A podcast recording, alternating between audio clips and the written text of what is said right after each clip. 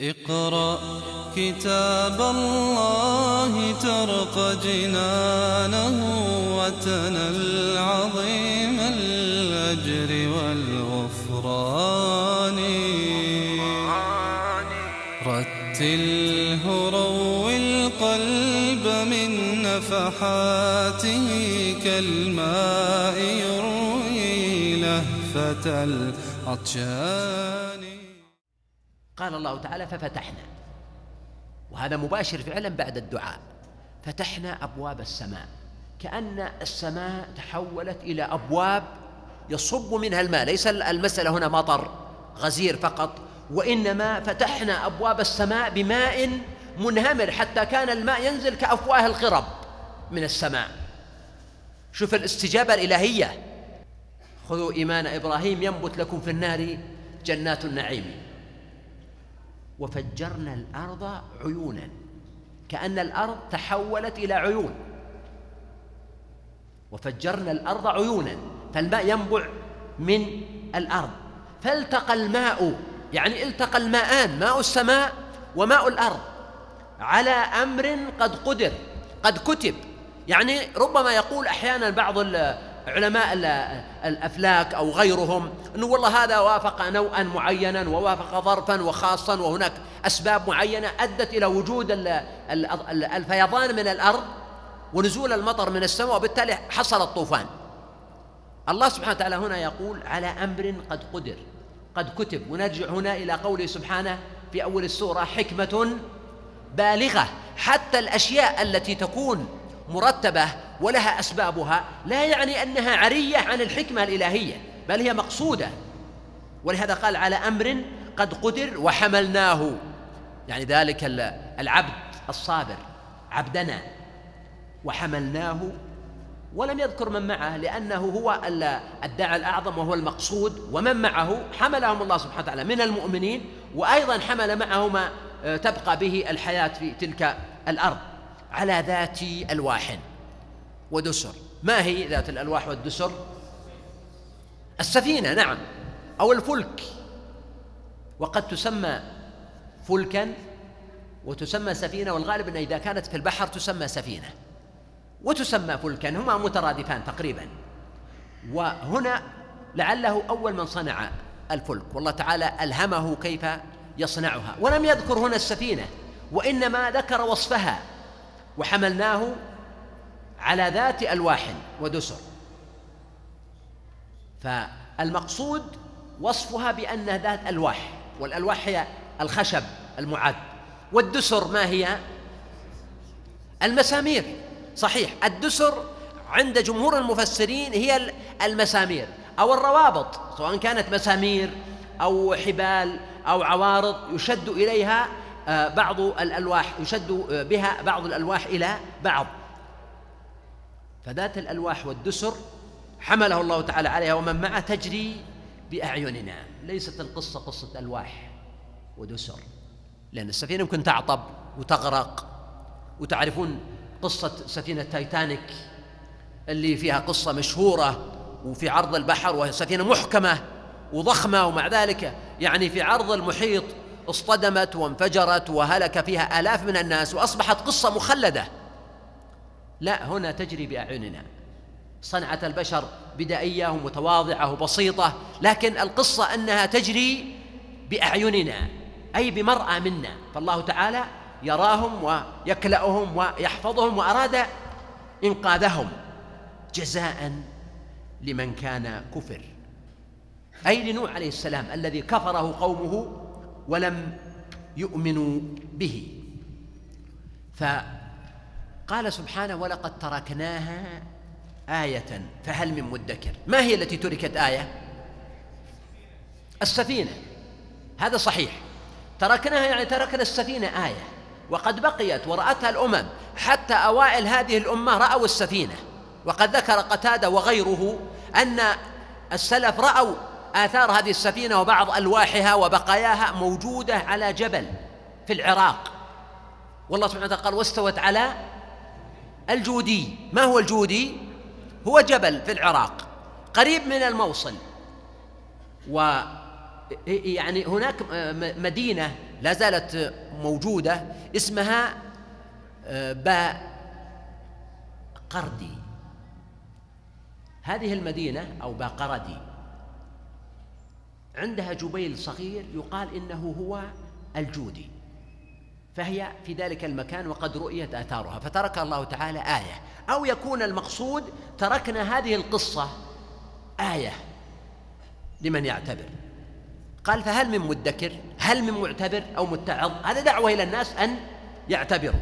فكيف كان عذابي ونذر؟ هنا يأتي السؤال والسؤال الذي يتكرر مع كل قصة يعني كيف ترى؟ أيها القارئ أو أيها المستمع العذاب الذي نزل بهؤلاء القوم والطوفان الذي اجتاحهم وأهلكهم كيف تراه؟ وهنا وحد العذاب وجمع النذر.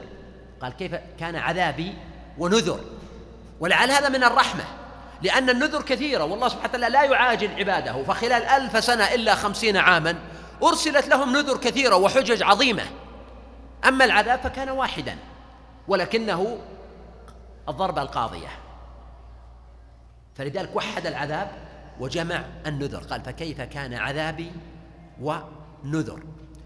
طيب قد يقول قائل العذاب واضح هو الطوفان الإغراق لكن النذر ما سر مجيئها هنا؟ فأقول إن الله تعالى أنذرهم.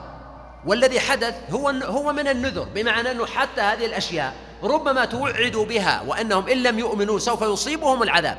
فلم يؤمنوا فجاءهم العذاب فكان ذلك من النذر. قال الله عز وجل ولقد يسرنا القرآن للذكر فهل من مدكر. وهذه أيضا لازمة في هذا السياق بعد كل قصة يذكر الله تبارك وتعالى. بهذا المعنى دعوة إلى الناس أن يعتبروا. والتيسير هنا بالدرجة الأولى تيسير القرآن للذكر يعني أن تتلقاه القلوب والعقول والأسماع وأن تؤمن به وأن تعمل به وأن تستجيب له. وأن ترقق القلوب بآياته ومواعظه ويشمل ذلك طبعا تيسير القرآن يشمل تيسير حفظه وتلاوته وطباعته وتوزيعه وترجمته والدعوة إليه. فكل ذلك من التيسير. وأيضا من أعظم ألوان التيسير تيسير أحكامه وتيسير مقاصده وتيسير ما يترتب على معانيه وعلى دلالاته من الأوامر والنواهي وتفاصيل الحياة. فكذا كان ذلك كل مما امتن الله تعالى به على هذه الأمة. وفي ذلك رابط بالقضية القديمة في قصة قوم نوح أو غيرهم بالواقع المتجدد في مكة في دعوة الناس. كذبت عاد. وهنا تلاحظ أن الله تعالى لم يعطف عطفا وإنما ذكرها قصة جديدة. وكل قصة تأتي مستأنفة كأنه لا علاقة لها بالتي قبلها. لم يقل وكذبت عاد وإنما قال كذبت عاد وهذا نوع من القطع يعني كأنك أمام قصة جديدة لا علاقة لها بالأولى. وفي نهاية القصة يأتي موضوع فكيف كان عذابي ونذر إشارة إلى أن كل قصة بمفردها لو لم يذكر غيرها لكانت كافية لمن يعتبرون. فكيف إذا اجتمعت هذه القصص كلها فهي مجموعة كبيرة من النذر النذر والآيات وما تغني الآيات والنذر عن قوم لا يؤمنون. إنا أرسلنا عليهم ريحا صرصرا. هنا قال كذبت عاد. لم يقل كذبت قوم هود مثلا. بخلاف قوم نوح. لماذا قال كذبت عاد؟ هذا اسمهم واسم معروف وأشهر من أن يقال قوم هود. وأيضا هم من العرب العاربة العرب الأولى ومعروفون وقريبون. ولذلك كان ذكر اسمهم الأول أدعى إلى الذهن وأقرب وأكثر بلاغة. قال كذبت عاد. فكيف كان عذابي ونذر؟ إنا طبعا هنا كيف كان عذابي ونذر؟ هذا يختلف عما قبله لأنه لم يذكر العذاب ومع ذلك يعجب منه كأنه يعني يريد أن يثير استغراب السامع لنوع العذاب الذي نزل بهم لأنهم قريبون من أهل مكة وأهل مكة يعرفون قصتهم. إنا أرسلنا عليهم ريحا صرصرا. الريح بحد ذاتها ممكن أن تكون مهلكة فكيف إذا كانت صرصرا؟ يعني قوية شديدة حتى أنه يسمع لها صوت صفير. صفير الريح هذا هو الصرصر. وكذلك من معاني الصرصر أنها ريح باردة شديدة البرودة. ومنه الريح الصر. كمثل ريح فيها صر أصابت حرث قوم ظلموا أنفسهم فأهلكت. قال ريحا صرصرا في يوم نحس مستمر. في يوم نحس. هذا يوم واحد يعني 24 ساعة أو أكثر. لا هو المقصود يوم هنا زمن أو وقت. وإلا فقد ذكر الله تعالى في آية أخرى قال في أيام نحسات. وقال سبحانه سخرها عليهم كم؟ نعم سبع ليال وثمانية أيام حسوما. إذا هي أيام نحس. وكونها نحس يعني نحس على الكافرين. ولهذا نقول للذين يعتقدون أن الأيام فيها نحس. طائركم معكم. النحس من فعل الإنسان وليس من شأن اليوم. وهذا دليل على أن وصف يوم بأنه نحس. لا يعتبر من سب الدهر. كما قد يظن البعض وإنما هذا من وصف الحال على الأيام التي تصيب الناس. واعتقاد البعض بأن هذا اليوم كان يوم إربعاء ويحتجون بحديث موضوع أنه آخر أربعاء من الشهر يوم نحس مستمر. اعتقاد باطل. ولو كان هذا اليوم بحكم أنه أربعاء أو آخر أربعاء من الشهر يوم نحس لكانت أيام الأسبوع كلها ماذا؟ أيام نحس لأن الله سخرها عليهم كم؟ سبعة أيام وأيام نحسات كلها إذا كل الأسبوع كذلك. فنقول الحياة كلها هي حياة نحس بالنسبة للإنسان الذي يكون عنده مشكلة في داخله. يكون عنده تشاؤم يكون عنده إحباط يكون عنده يأس قنوط. لا يكون موصولا بحبل الله سبحانه وتعالى ولا متفائلا ولا مشرقا أو من تعود على أن يقول الكلام السلبي عن نفسه أو عن الحياة. فهذا تكون الحياة نحسا بالنسبة له وإلا فليس في الأيام شيء نحس. والتطير من عمل الجاهلية ألا إنما الأيام أبناء واحد كذاك الليالي كلها أخواته الأيام كأنها أبناء رجل واحد والليالي كأنها أخوات يعني ما تفرق ليلة عن ليلة. أيام الساعة تلك الأيام التي أحسن الإنسان توظيفها واستمتع بها. وأيام النحس تلك التي أخطأ الإنسان فيها أو عصى أو تشاءم أو انقطع وصله بحبل الله سبحانه وتعالى أو نظر بسوء ظن إلى الحياة. والله تعالى يقول أنا عند ظن عبدي بي.